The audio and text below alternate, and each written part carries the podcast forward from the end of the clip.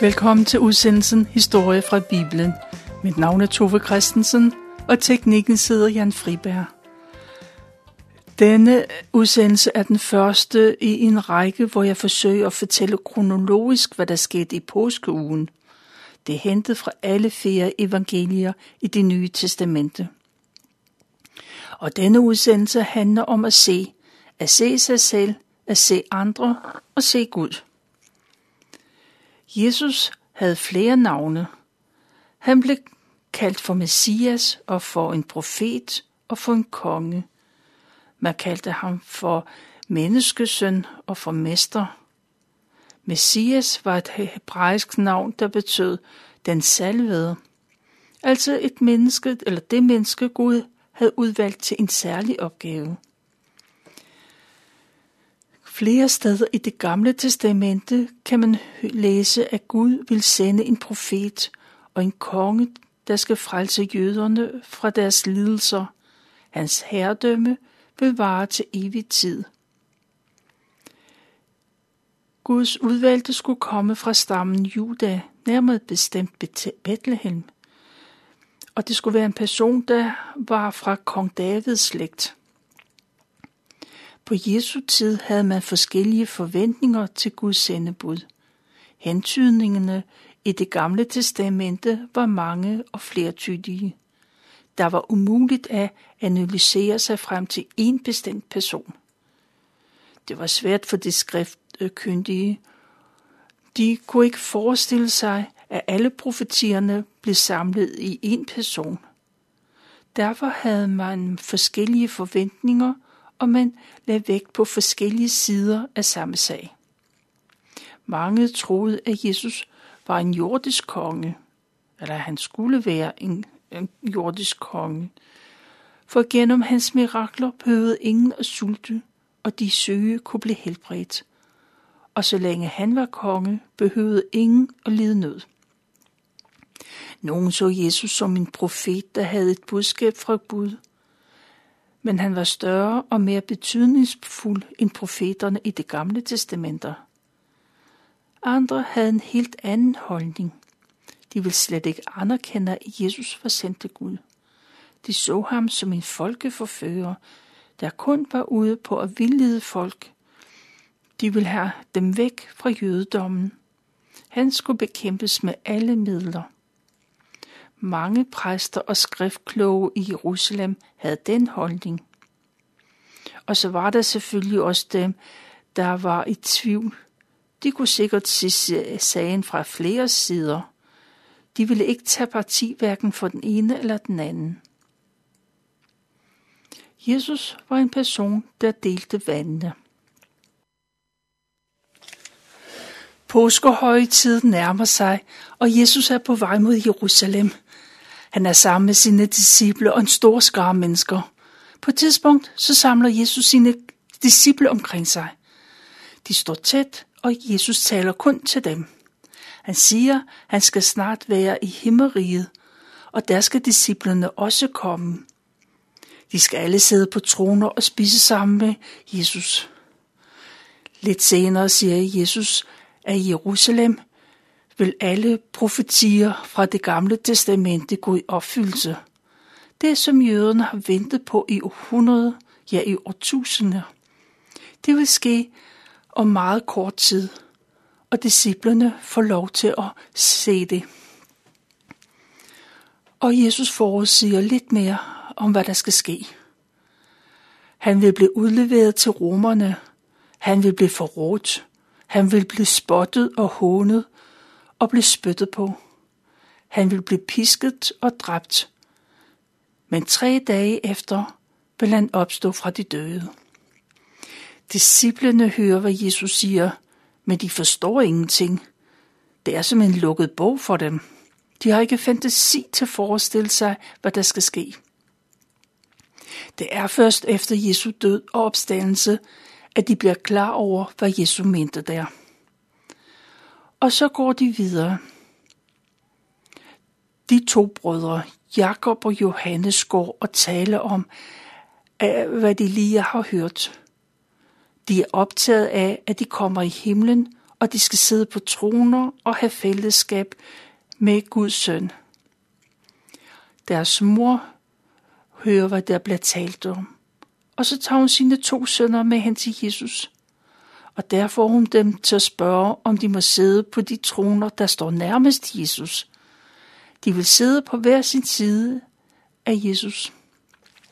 Men han svarer, øh, øh, Jesus svarer, at de ikke ved, hvad de beder om, for de kan ikke udføre det, han skal udføre. Og det er øvrigt heller ikke op til Jesus at bestemme, hvem der skal sidde hvor.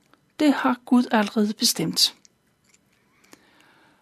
Og denne samtale, det foregår, mens de går på vejen, og så går der ikke lang tid, før de ti andre disciple hører, hvad der bliver talt om.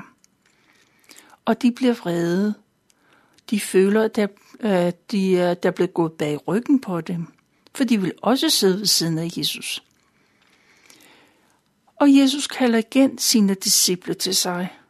Så giver han dem undervisning i, hvordan en leder skal være.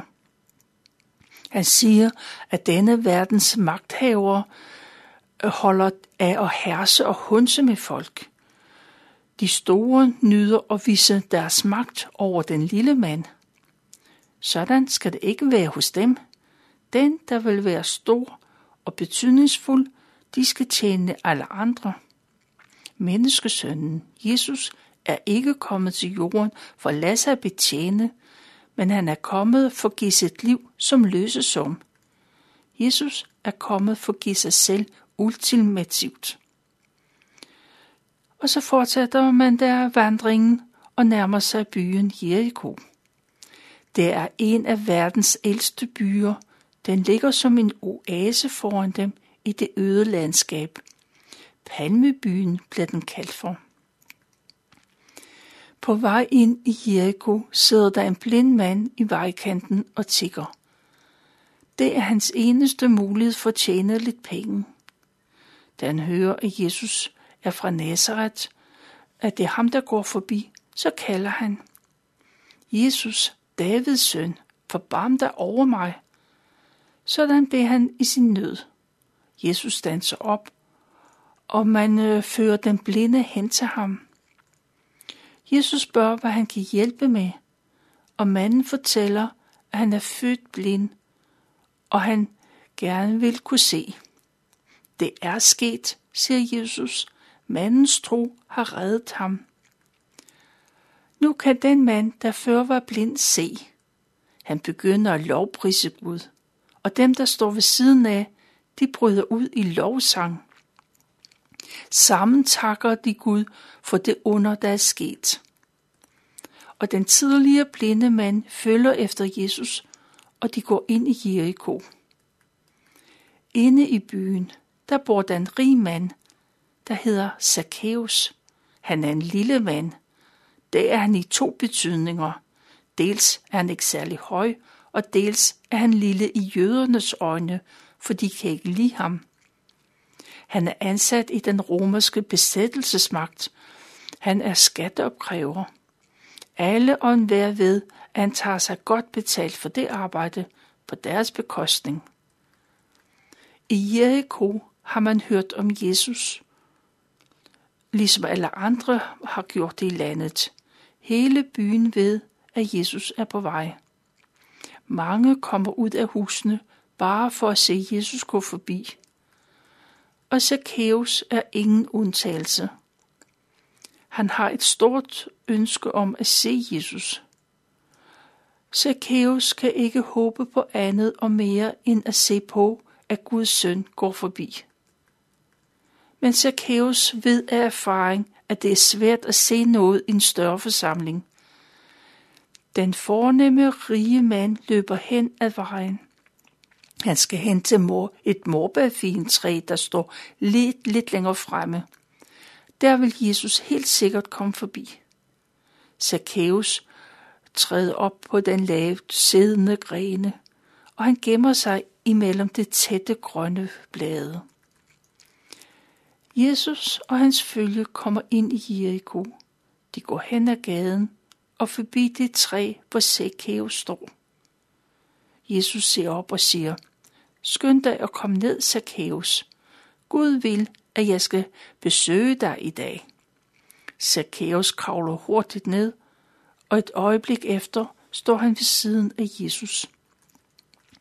Han inviterer Jesus og hans følge med sig hjem. De skal have noget at spise. Zacchaeus er glad, men det er der andre, der ikke er.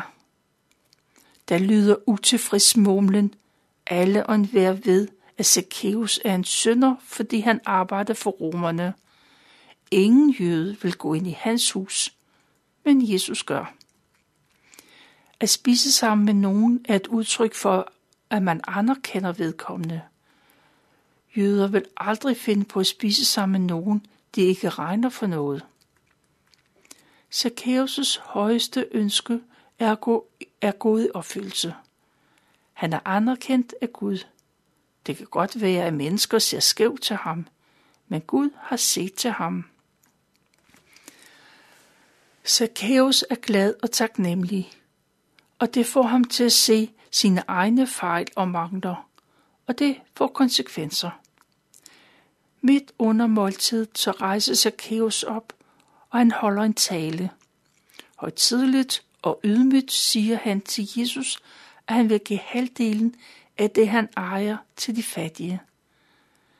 Hvis han har taget penge, flere penge, end dem han har været berettiget til, så vil han give det firedobbelte tilbage. Og Jesus ser den tro, der ligger bag Zacchaeus' ord. Og han tager ordet og siger til Zacchaeus, at i dag er frelsen kommet til dette hus. Guds søn er netop kommet for at opsøge og frelse de fortabte. Zacchaeus og alle andre øh, sidder og lytter. De lytter, når Jesus fortsætter med at sige, at han godt ved, at mange regner med, at han vil gøre Israel til et frit land. De forventer, at den romerske her skal forsvinde, og Israel vil blive et land, hvor fred og retfærdighed hersker.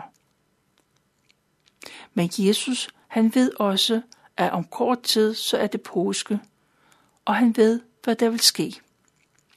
Derfor fortæller han en historie, en lignelse.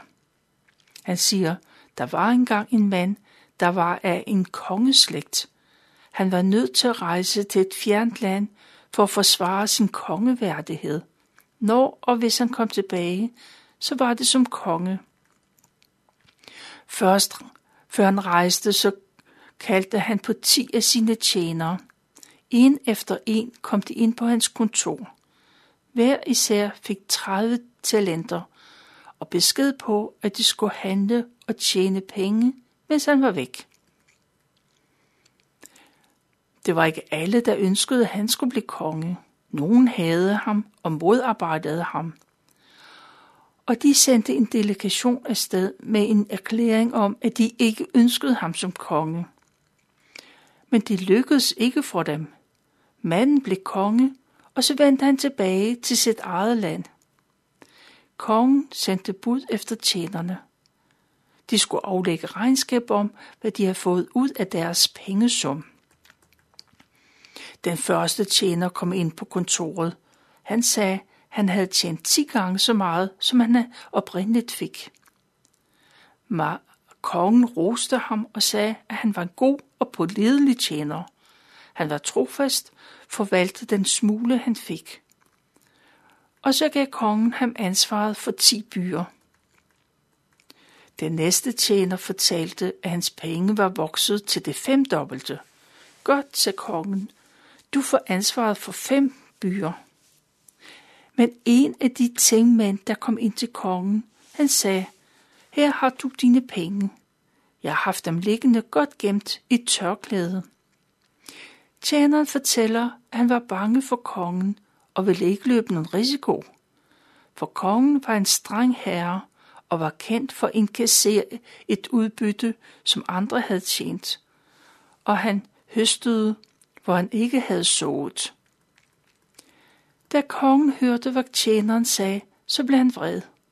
Det var en doven og dårlig tjener, der kunne, han kunne i det mindste have sat pengene i banken, så ville han have fået renterne. Kongen vender sig om, og så talte han til de mænd, der var i lokalet. Han sagde, at de skulle tage pengene fra den tjener, der intet havde tjent, og give til den mand, der havde fået det største beløb. Men det var alligevel for uretfærdigt. Man synes, øh, at den første tjener allerede havde fået rigeligt. Men kongen havde truffet sin beslutning, for alle dem, der brugte de talenter, de får, vil få mere. Dem, der ikke bruger det, de har fået, vil miste det. Og så afsagde kongen den dom, at hans tjener, at hans fjender skulle henrettes. Alle dem, der ikke vil anerkende ham som kongen, skulle dø, mens han så på det.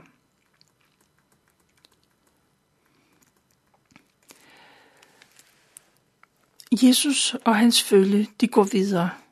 De går godt 20 kilometer, øh, og så er de i nærheden af Betania i Jerusalem. Det er ikke længe siden, at Jesus var i Betania. Det var da lige efter Lazarus, han var syg, og hans to søstre havde sendt bud efter ham. Men Lazarus døde, før Jesus kom, to dage for sent. Sammen med mange andre gik Jesus til den klippehule, hvor Lazarus lå begravet. Jesus kaldte på Lazarus. Han kom ud af graven med ligklæderne viklet om sig, og han var levende. Søndagen før påske er Jesus tilbage i Judæa-området. Det første gang efter Lazarus' opvækkelse – og alle har hørt om det store under. Man har hørt om det i alle de små landsbyer og inde i Jerusalem. Man har hørt det i hele landet, og man har hørt det uden for landegrænserne. Man ved, at Jesus har opvagt en død til live.